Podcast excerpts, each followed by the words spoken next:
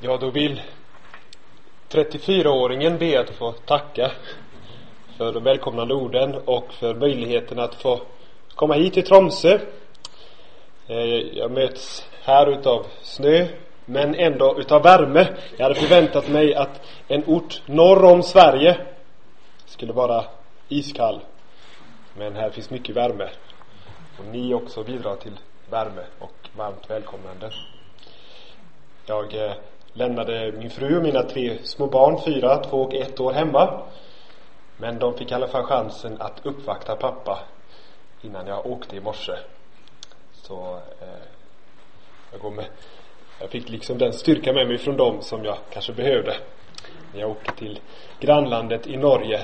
För här förstår jag mitt i, i skid-VMs tider att här är jag lillebror ni har redan eh, vunnit guld här har jag sett i, i tidningen. Och jag får hålla mig så ödmjuk som jag bör när jag är här. Eh, jag ska inte säga så mycket mer om mig själv. Om mig själv, jag är studierektor för en bibelskola i Göteborg, bibelskola i Göteborg och präst i en församling i Göteborg. Eh, och eh, det är med glädje som jag också kommer hit och utbyter den här kontakten mellan bibelskolor vi kan lära av varandra. Eh, temat för de här tre timmarna är Herrens bön.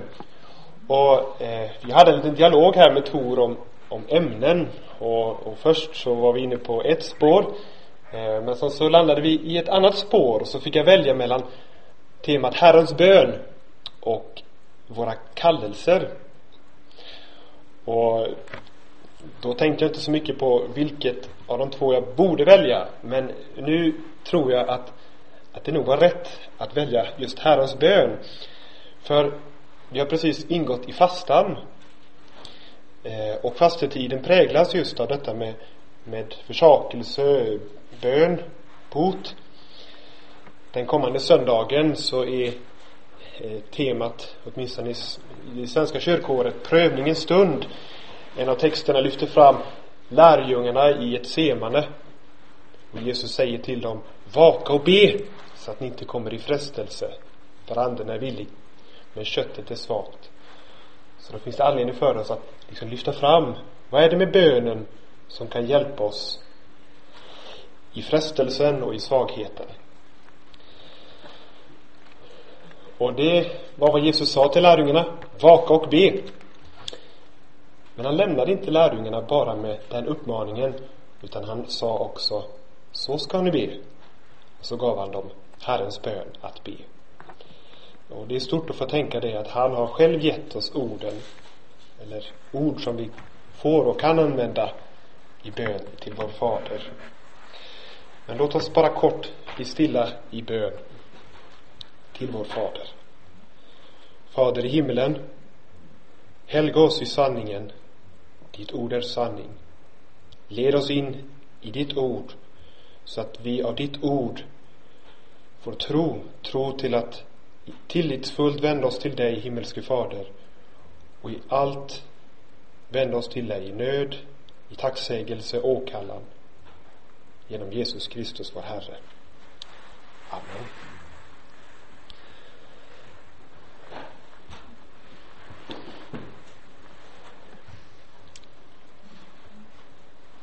Från Gud som haver till Fader vår. Eh, är det så också att det på norska finns denna eh, lilla barnbön, Gud som haver? Ni känner igen den? På svenska är det Gud som haver barnen kär, se till mig som liten är. Vart jag mig i världen vänder, står min lycka i Guds händer. Sen finns det lite olika varianter på slutet, men den jag tycker bäst om. Lyckan kommer, lyckan går du förbliver Fader vår. Eh, jag har den där ifall någon särskilt vill, vill titta på den. Det händer ibland att det kommer ut undersökningar till människor där de får frågan om de ber.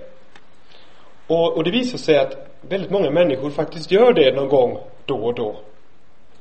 Antingen det är ett desperat rop om hjälp i en nödsituation. Eller att man med sina barn ber aftonbön och kanske ber just den här bönen för Gud som haver. Och så kan man nog fråga dem, varför gör ni det om ni inte i övrigt har någon verklig tro? Och då kan de svara, ja men det känns tryggt så. Det är tryggt för barnen att be. Och man får ibland, och då får man lite den här, den här känslan av att, att det verkar nästan lite barnsligt att be. Ja, det, barnen tycker om det eller barnen tycker att det känns tryggt.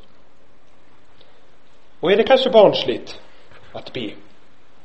Vi ber med barnen hemma att eh, Gud ska beskydda oss från allt. Vi ber att eh, faste Lisa ska bli frisk. Och så ber vi att Pelle på skolan inte ska vara så ond mot barnet. Och så upptäcker vi att fast Lisa blev inte frisk. Hon dog. Och vi upptäcker att det finns långt mycket ondare människor än Pelle på skolan. Och så börjar vi upptäcka det. Barnen frågar men om vi ber att det ska snöa imorgon och någon annan ber att det inte ska snöa imorgon. Vem ska Gud lyssna på då? Gud vet ju vad vi vill be om och vad vi behöver. Gud är Gud. Är det inte då barnsligt att be? Och Jesus, han sa själv, be så ska ni få. Men vi lämnar sin tanke om att men det händer ju inte, det som står där. Och så tycker vi, ja, ja, men barnen tycker om det. Och så blir det liksom ett, ett barnsligt skimmer över det. Men Jesus tänker på bön i ett mycket större sammanhang. Han ser bönen som ett uttryck för en tillitsfull relation till en kär himmelsk fader. Ja, han vill att vi ska förtrösta på Gud som vi skulle kunna förtrösta på en god jordisk förälder och fader. Och ni vet hur barn är. Har de en kärleksfull förälder så ber de om allt möjligt. Finns tilliten där så finns det ingen, inget stopp på bönerna som kommer till föräldern. De får inte allt vad de ber om, för en god fader säger nej, nej, nej, nej. Men det är inte så att deras förtröstan försvinner med det. De har denna grundläggande tillit till föräldern som gör att de, de fortsätter, liksom nästan oavbrutet, kommer med nya böner. Och ibland så kommer de med samma gamla böner åter och åter igen. Den här tillitsfulla relationen är mycket mera grundläggande än själva bönen och och bönhörelserna eller vad bönen ska syfta till. Men i ljuset av denna grundläggande djupa tillit som Gud vill att vi ska se och finna hos vår kära himmelske fader. Denna tillit som vår himmelske fader själv skapar. Den gör att vi kan fortsätta att be de mest barnsliga böner som våra barn ber barnsliga böner. Därför att tilliten, förtröstan finns där. Kom med dem. Sjung ut så som ett barn talar, ber sin förälder. Jag skäms inte för att be enkla böner med mina barn. Även om det skulle finnas vuxna människor som satt och såg lite hånleende på det jag behöver inte vara rädd för att faster Lisa ska bli sjuk och dö. Jag behöver inte tänka, vad ska barnen tänka om hon inte blir frisk? För jag ber med mina barn utifrån en grundläggande tillit till en kär himmelske fader som jag vill att också de ska lära känna och lita på mycket mer än vad de litar på mig. För alla är vi barn inför Gud. Och som barn så förstår vi inte alltid våra föräldrar. Vi förstår inte heller vår himmelske förälder alltid. Och han ger inte allt, heller allt som vi ber om. Men det förändrar inte denna grundläggande tillit och förtröstan som han själv skapar och ger åt oss. När lärjungarna bad Jesus lära dem att be hade de nog kunnat gissa vem de skulle eh, tilltala. Eh, det finns till exempel ett, ett eh, bibelspråk i första Timoteusbrevet 6. Du kan ta fram det, Rickard. Du som bor i ett ljus dit ingen kan komma. Nu, Jesus, nu ska du lära oss att be. Vem ska vi rikta oss till? Ska vi rikta oss till han som bor i ett ljus dit ingen kan komma? Eller ska vi eh, rikta oss till honom som eh, vi har lärt känna genom Saltarens böner? Herre min Gud, Israels Gud, Abrahams, Isaks, Jakobs Gud, våra fäders Gud. Och så får vi denna märkliga uppmaning att be till Fader vår. En fader. Var kommer detta ifrån? Jag har inte hittat något ställe i Gamla Testamentet där människor uttryckligen talat till Fadern. Eller till en fader. Det finns bilder som att eh, Gud är som en fader. Men inte uttryckligen Fader. Med hela den bild och, och förståelse av en fader som vi kanske har. Och troligen använder Jesus dessutom det arameiska ordet Abba. Som han gjorde i ett semane. När han var inne i sin djupaste ångest. Abba, Fader. Det är det mest intima, nära relation som, som kan uttryckas. Det är inte det heliga skriftspråket hebreiskan där vi läser ur saltaren och i gudstjänsten. Utan det, det vardagliga folkspråket. Man skiljer på, på, på skriftspråket, hebreiskan, och talspråket, arameiskan. Det är väldigt likt, men det är ändå skillnader. Och Abba, det är talspråket. Det är det första ord som det lilla barnet lär sig. Abba. Det första ord som kommer ur munnen såvida det inte är motsvarigheten till mamma men pappa, Abba. Så från att kanske tänkt tanken hur talar vi till han som bor i ett ljus dit ingen kan komma? Våra fäders Gud. Tänk vad märkligt när de talade till, till Abrahams, Isaks och Jakobs Gud. Har han inget namn? Är det min Gud? Det är deras Gud, men får jag nalkas honom? Och så kommer denna överraskande uppmaning. Ni ska be till Fader vår, Fader er er egen fader. Och så är det som det lilla barnets första ord som vi får vända oss till Fadern. När min treåring sitter i min famn och säger Pappa, så är det som att fadershjärtat mitt alltså smälter. Det är någonting i tilliten som den visar som gör att mitt hjärta vänder sig till honom. Och jag tänker att detta är något vad, vad Jesus vill skapa i sina lärjungars tankevärld. Det är er fader ni ska vända er till. Jesus avsiktligt river ner alla dessa barriärer som vi bygger upp av, av höghet och otillgänglighet.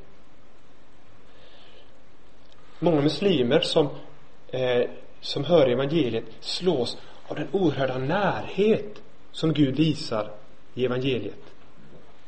De tycker nästan det är anstötligt när de tänker på Allah, den höge, frånvarande, avlägsne. Och så kommer här nästan skamligt, Fader vår, Abba, den lilla treåringens bön till Gud. Och ännu mer. Den allra bästa förälder på denna jord är ändå bara en blek skugga av den fader i himlen som är vår. Kom ihåg vad Jesus sa. Om ni som är onda, det säger han rakt upp och ner. Om ni som är onda ändå förstår att ge era barn goda gåvor. Hur mycket mer? Tänk inte för lite om ni tycker ändå att ni har upplevt goda föräldrar här på jorden. Hur mycket mer ska då inte er himmelske fader ge er det som är gott åt dem som ber honom? Står det i Matteus 7 och 11. Efter sin uppståndelse så kommer Jesus till de sörjande kvinnorna och talar till dem och säger Jag går till min Gud, er Gud, till min fader och er fader. För Jesus vet att i ljuset av sin uppståndelse så ligger alla tänkbara hinder för detta nära barnaskap. Det ligger i en tom grav. Synd, all vår otro, all vår tröghet, all vår skuld, det är borta. Min far och er far. Så sant graven är tom är allt utplånat och borta. Med frimodighet gå till min och er far. Så är det som att fadern själv ser sina barn, sina bortsprungna, vilsna, syndiga barn och han själv etablerar ett förnyat barnaskap genom Jesu försoningsstöd. Och han själv väcker en respons i våra hjärtan, en tillit, en tro när han, som det står, ger oss barnaskapets ande som börjar stava på orden i våra hjärtan. Abba, Fader. Det är en början, men det är en början. Fadern själv genom barnaskapets ande i våra hjärtan. I Johannes kapitel 3 så har vi den här ordväxlingen mellan Jesus och eh, Nikodemus. Och där talar ju Jesus om att födas på nytt genom vatten och ande. Och jag tänker att detta är, är en djuplodande förklaring av något av, av, eh, om dopet men också om den nya födelsen. I moderlivet ligger fostret. På sätt och vis kan vi säga att det lever där. Det hör. Men de hör ändå inte. De kan inte uppfatta vad det är de hör. De har ögon till att se, men kan ändå inte se.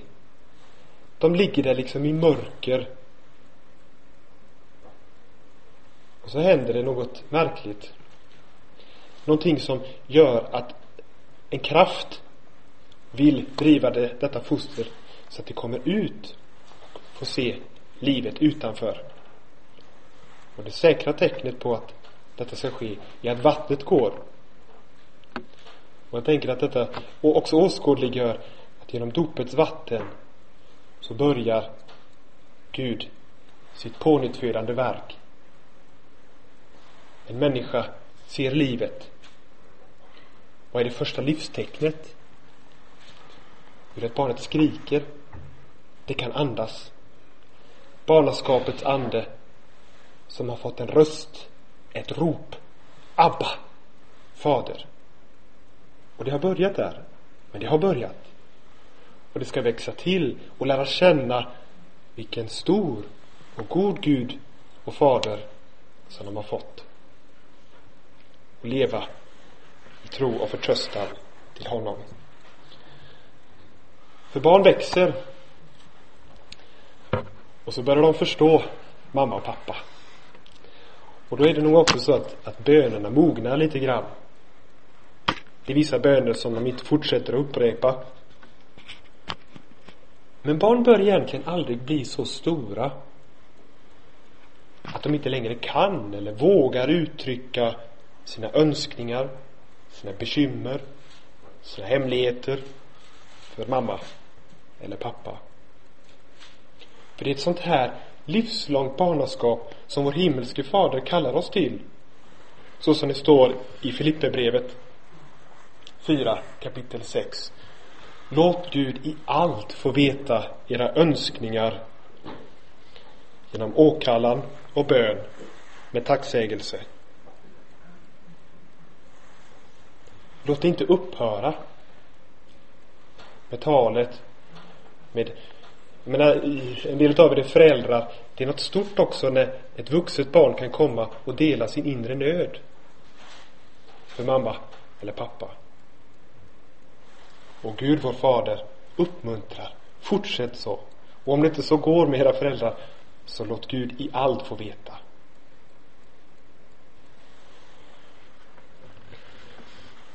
Men med åldern och med växten och med den mognade bönen så kommer också en insikt om bönhörelserna. Nu kan barn börja tänka Ville mamma och pappa något med det som de gav nu som svar på min bön? Ska jag kanske ta ansvar för det jag har fått? Och som i mognaden så dras jag från mina ganska självcentrerade perspektiv in i Guds perspektiv. Och jag börjar se livet och världen med lite andra ögon. Vilket leder oss in i bönen som ger just Guds perspektiv, nämligen Herrens bön. Som en liten parentes så kan jag säga det att med barnen hemma så ber vi på kvällarna just Gud som haver. Den lite barnsliga bönen som ska odla denna förståelse av att så här enkelt och tillitsfullt får vi tala med vår fader. Fortsätt så.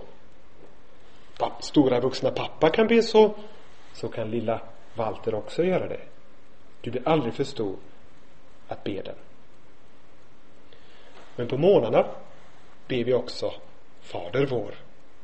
Den, låt oss kalla det så, den vuxna bönen. Men visst är det märkligt att också i den vuxna början, bönen så börjar det med det innerliga treåringens Abba, Fader vår. För vi blir aldrig något annat än Guds barn. Men bönen i sig själv är så djuplodande så att vi blir aldrig färdiga med den. Men Fader vår, det kan vi förstå. Det kan vi ta till oss. Och så får vi växa och växa in i Guds hjärta, i Guds tankvärld genom att lära oss bönen som ger oss en blick just in, rakt in i Guds hjärta.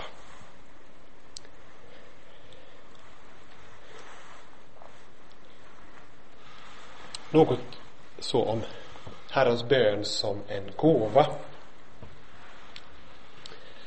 För detta är en gåva som Gud ger. Förr i tiden i, i Sverige så var det ofta så på gudstjänster att, att församlingen eh, fick anvisningar om att falla på knä vid några tillfällen. Och det var vid tre tillfällen som församlingen föll på knä. Först var det vid, vid syndabekännelsen. Eh, sedan föll man också på knä vid, vid läsandet av instiftelseorden, alltså inför nattvardsfirandet.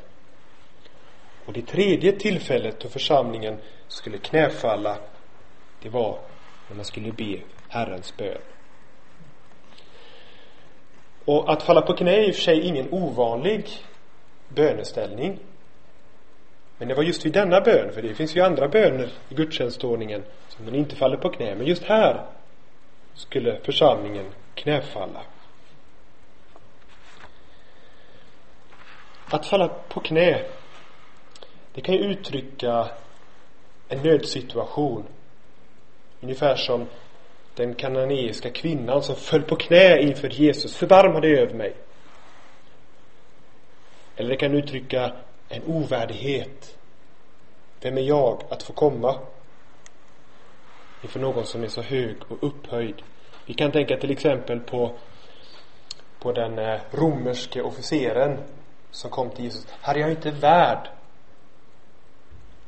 du kommer in under mitt tak.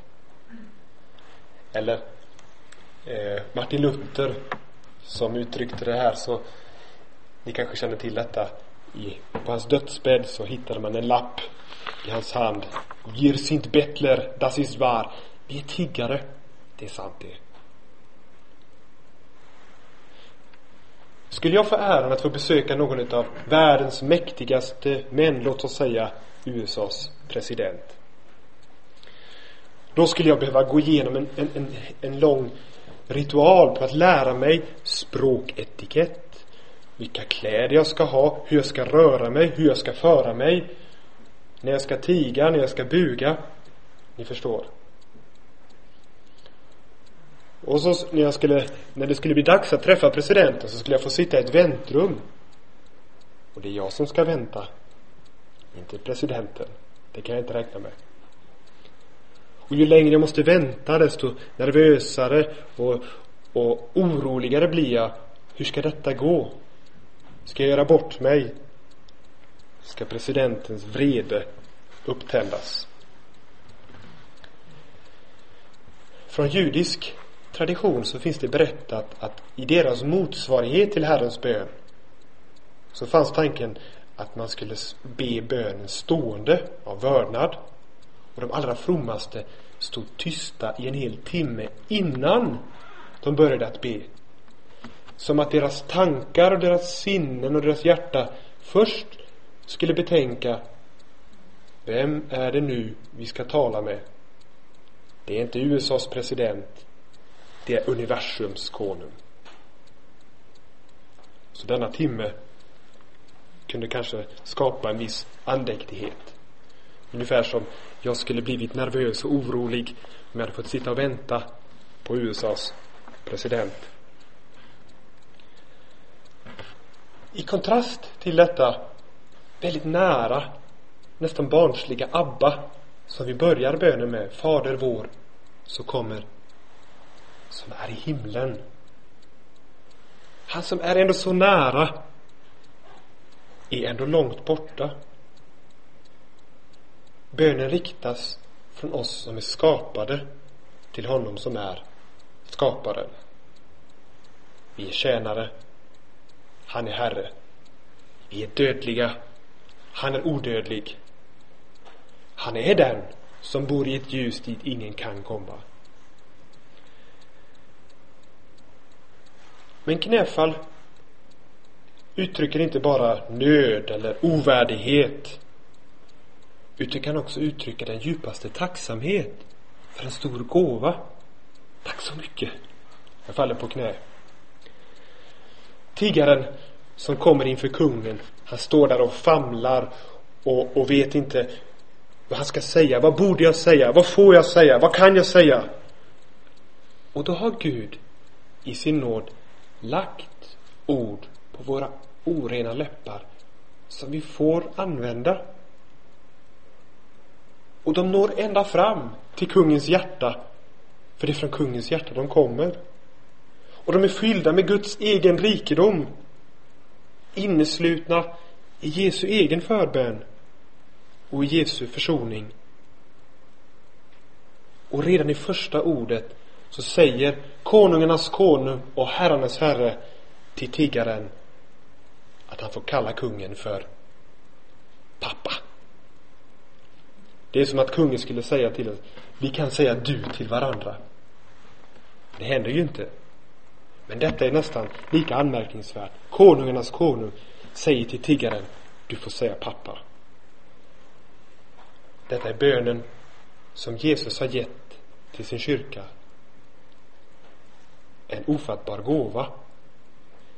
Och jag tror att när församlingen eh, anvisades att falla på knä så var det just i tacksamhet, i mottaglighet för gåvan som Gud gett.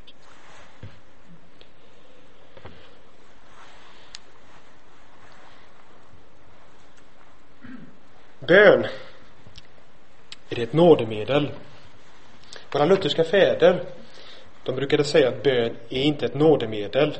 Det vill säga, om en hedning ute i djungeln ber till Gud eller vem han eller hon nu ber till så kan man inte räkna med att, att nåd kommer som ett svar på bönen. Man kan inte räkna med att nåd blir svaret på en bön riktad mot något högre. Men Guds ord däremot strök våra fäder starkt under. Det förmedlar nåd. Det förmedlar nåden att möta den levande guden och nåden att få gripa om löften som Gud ger. Bergfasta löften som jag får gripa om och göra till mina. Här är det inte fråga om ovisshet utan om verklig nåd.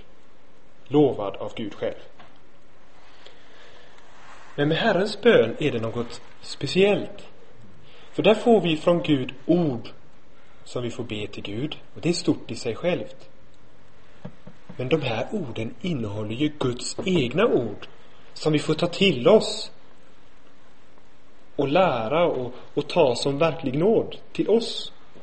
En dubbel nåd. Inte bara får vi ord att rikta till Gud som tiggaren som är orolig för vad han ska säga till den store kungen.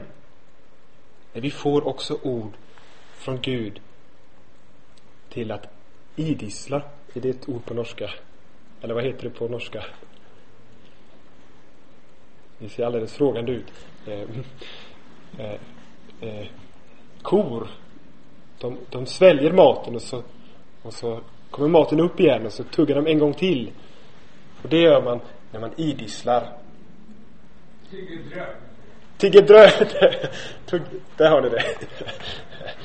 Här, här får vi ord eh, i bönens form som vi får tugga om, om och om igen. Så som vi ber om och om igen. Men nu handlar det inte bara om att det är något vi ska rikta till Gud. Utan det är någonting som Gud riktar till oss. Till lärdom och till hjälp och till tro. Och kanske är det så att det viktigaste med bön är inte vad vi kan få Gud att göra. Utan vad Gud gör med oss genom bönen. Och det perspektivet är, är extra sant när det gäller Herrens bön. För det här är bönen på Jesu hjärta. När lärjungarna bad Jesus att lära, hon, äh, lära dem att be så hade de ju redan levt ett liv präglat av, av bön. Eh, för de var fromma judar som hade vuxit upp eh, i synagogan och, och i de dagliga bönerna. Men deras önskan var ändå att få Jesus perspektiv på bön.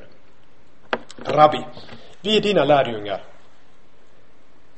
Vi har bett i alla år vad som ligger på vårt hjärta och på våra fäders hjärtan. Men vad ligger på ditt hjärta? Det vill vi veta. Vad tycker du är viktigt? Kan du inte lära oss Jesus? Eller vill vi verkligen veta? Tänk om det är så att det vårt hjärta säger är viktigt och angeläget och det man bör be om inte är viktigt för Jesus. Borde jag då liksom korrigera mina böner utifrån Jesu bön? Vill jag veta? Och rätta mig efter bönen från Jesu hjärta? Vill jag inte heller fortsätta att be från djupet av mitt hjärta? Hur skulle det kunna vara jag annars som bad? Det var just en, en, en, en person som sa just det, att det kändes inte äkta när man bad Fader vår och andra böner från Bibeln. Men vill vi be Jesus lära oss att be? Och kanske också ta ifrån oss den där känslan av äkthet och inlevelse som vi kan känna när vi ber det vi är vana vid att be. Vi kanske får pröva oss ett ögonblick inför detta. För med Herrens bön lägger Gud på mitt hjärta det som ligger på hans hjärta.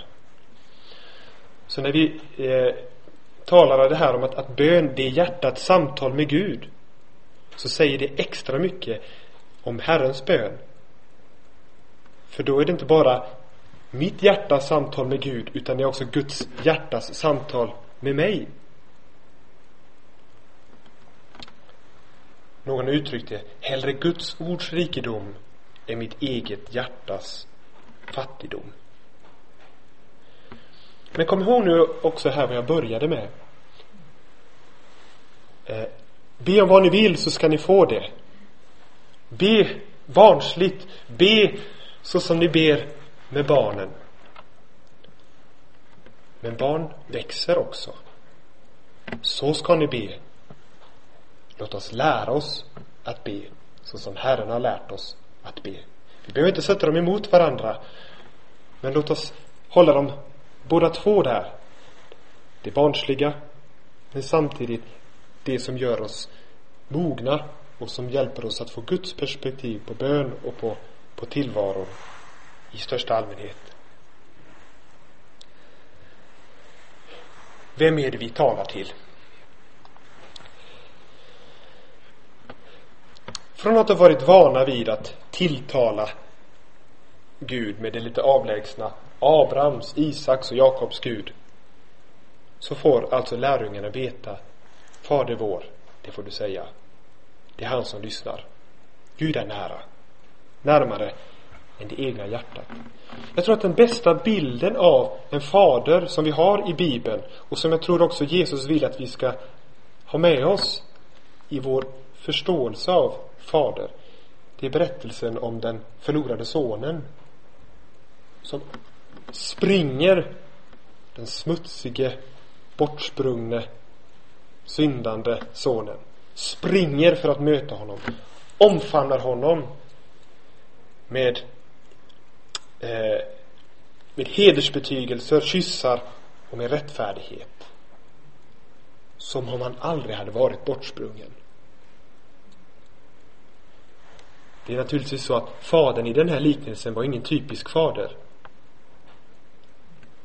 Det här var en fader som skämde ut sig. Men vår fader i himlen är inte som en jordisk fader. Vi går ofta den vägen att vi tänker på jordiska fäder och tänker att Gud är ungefär som dem. Och just därför är det många som tycker att vi ska göra oss av med ordet fader därför att man har negativa erfarenheter av fäder på jorden. Men det är inte vi syndiga fäder som ger Gud fader sitt innehåll. Nej, det är snarare tvärtom. Det står ju, det här är lite svårt att förstå till och med på svenska, men i alla fall det står att vår himmelske fader, från vilket allt vad fader i himlen och på jorden har fått sitt namn. Känner ni igen bibelstället? Det är vi fäder i all vår bristfällighet som fått vårt namn ifrån Gud, vår fader. Och vi skulle återspegla honom. Och i våra bästa stunder gör vi det kanske. Och Jesus kan säga, när ni som är onda ger era barn goda gåvor så visar ni på någonting. Men hur mycket mer? Inte själva källan. Ursprunget. Fadern som har gett oss ett namn. Fader. Och en kallelse att vara det. En liten detalj, men den är inte oviktig, är att Jesus inte säger att vi ska kalla honom Fader min, utan Fader vår. Min lilla tvååriga flicka, hon är inne i fas nu då hon upprepar gång efter annan Min pappa, min pappa. Så kan ibland min fyraårige pojke komma och säga Min pappa. Och då svarar jag Er pappa. För detta med Fader vår. Jag får naturligtvis komma själv till min fader. Och går man till Saltaren till exempel så är det många gånger min Gud som jag talar till. Saltaren 22, denna kända psalm. Min Gud, min Gud, varför har du övergivit mig? Det är Gud som har gett oss bönen så att jag får tala till Gud just så. Min Gud, varför har du övergivit mig?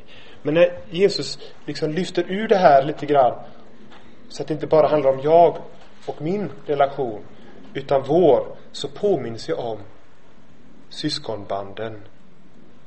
Det här är en bön som förenar oss och som förenar kristna. Och det här kan jag säga av, av egen erfarenhet att det är inte så lätt att säga amen efter en bön som är riktad till helgonen, låt oss säga. Och det är heller inte så alldeles enkelt att säga amen efter en bön som har talats i tungor.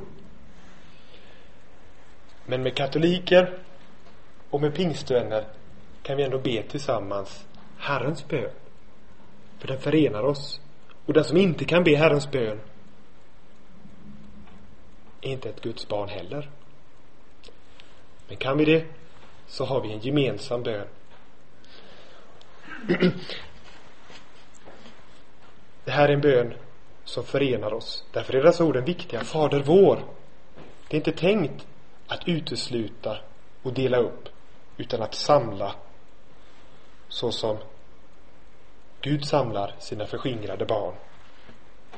Och så får vi tacka Gud faktiskt för en bön som vi kan be tillsammans utan att någon behöver känna sig obekväm.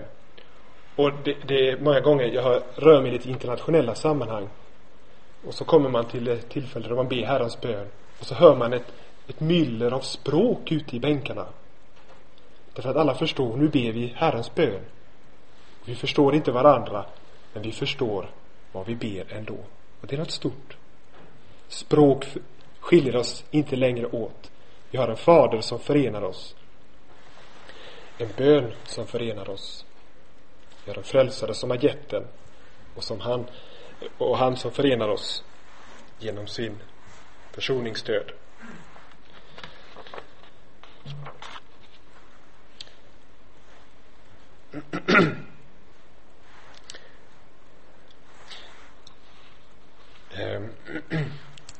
jag måste bara fråga här hur mycket tid vi har på oss här. Jag ser att klockan har eh, nästan... Hela kvällen på oss. Hela kvällen på oss. Okej. Okay. Men får en liten stund till så ska jag liksom av, avrunda den här delen. Eh. När vi När vi så har Du kan ta nästa där. När vi så har lärt oss och det här är något som vi faktiskt får lära oss. Lär oss att be och så får vi lära oss detta stora att vi får vända oss till Fader vår. Denna gåva att få be där. Liksom tänka om oss själva att vi sitter där i famnen som treåringen som just lärt sig säga ABBA. Och redan den associationen ingjuter en viss trygghet och ett visst lugn. Men så fort vi har bett detta, Fader vår, så kommer tre raka besked om vad som är viktigt.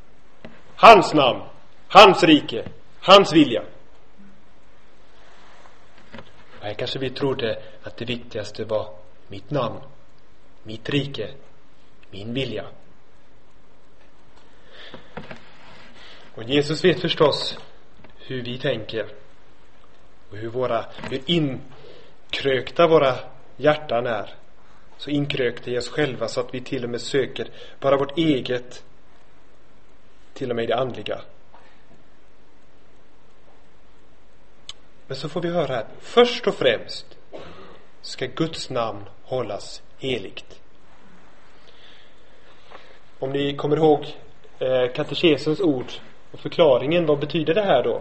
Så svarar ju Luther, Guds namn är i sig självt heligt. Men vi ber i denna bön att det skulle hållas heligt också hos oss. Skulle det vara den viktigaste bönen? Det första som vi ber när vi sitter där så lugnt och tryggt i fadersfamnen. Ville lärjungarna höra och lära sig det här? Men med lite eftertanke och lite mognad, ett barn som har blivit lite större, så kanske den tanken kan få fäste. Att det kanske till slut ändå är bättre, om man nu får ha denna fadersfamn och alltihop, att det är bättre att Guds alltigenom goda, fullkomliga, kärleksfulla, kärleksfulla vilja sker med oss och med världen än att vår egen opolitliga, kortsiktiga, själviska vilja ska ske i allt.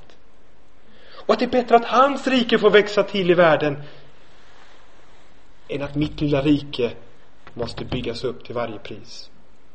Och den här världen skulle se annorlunda ut om Guds namn hölls heligt.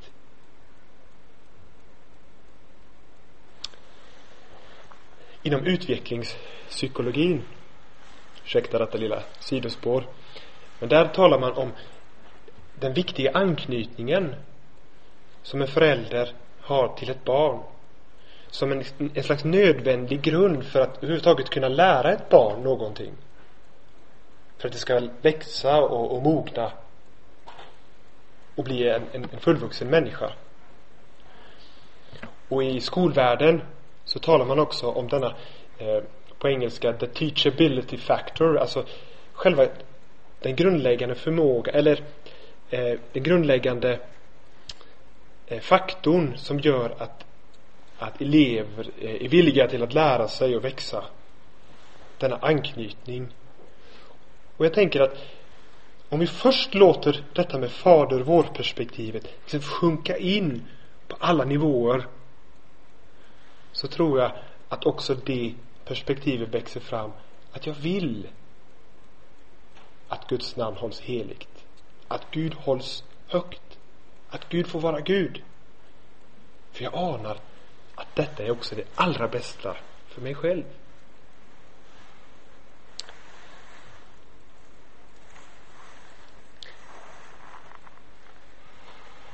Efter dessa tre raka besked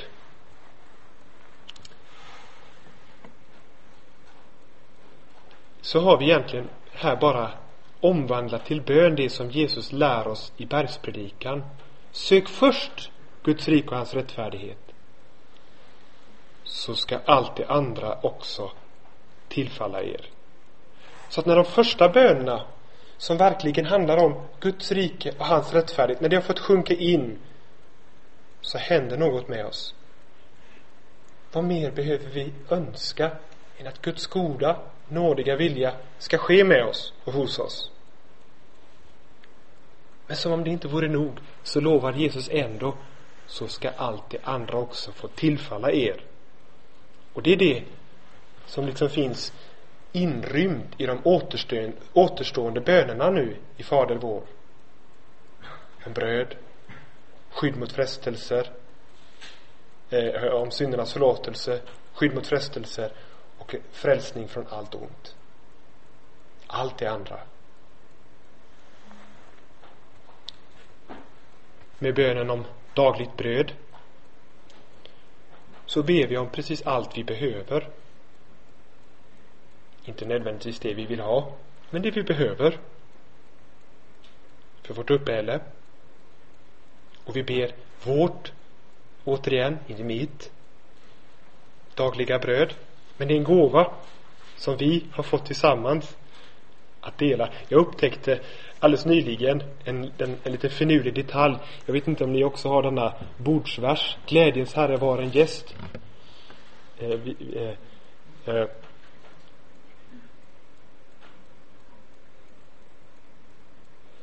Nej, det var inte den bordsversen. Utan det var eh, eh, Välsigna Herre vad du ger. Eh, och så avslutas den sången så här. Eh, och när det delas räcker det åt alla.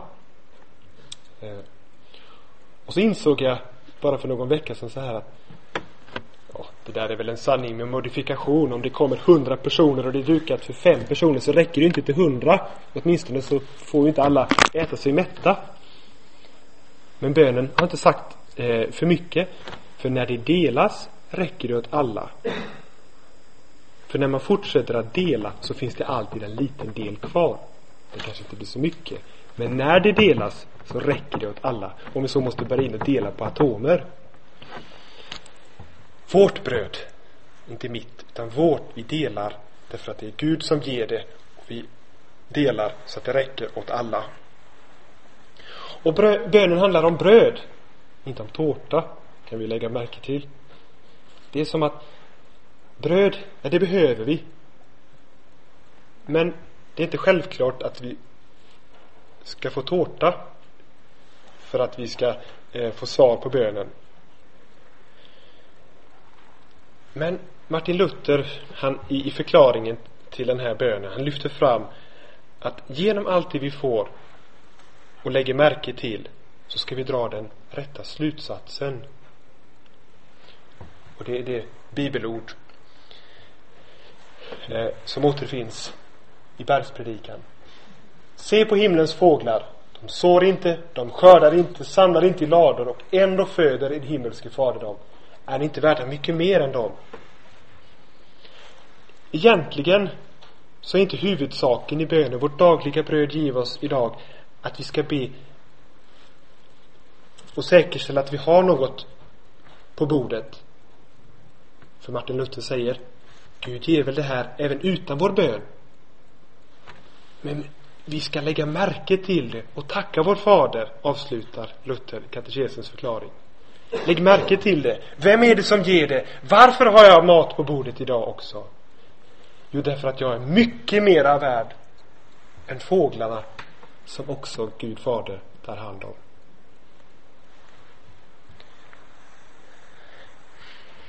Det vi behöver är inte bara bröd.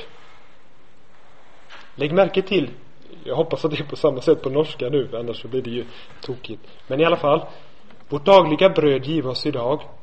Och, det lilla ordet och hänger ihop. Bröd och förlåt oss. För vad ska vi med bröd till om vi inte har fått förlåtelse? Eller vad, vad är nyttan? För i dessa två böner, bröd och förlåtelse, så har Gud eh, tagit hand om både vårt, vårt jordiska och vårt eviga, vårt timliga och det himmelska.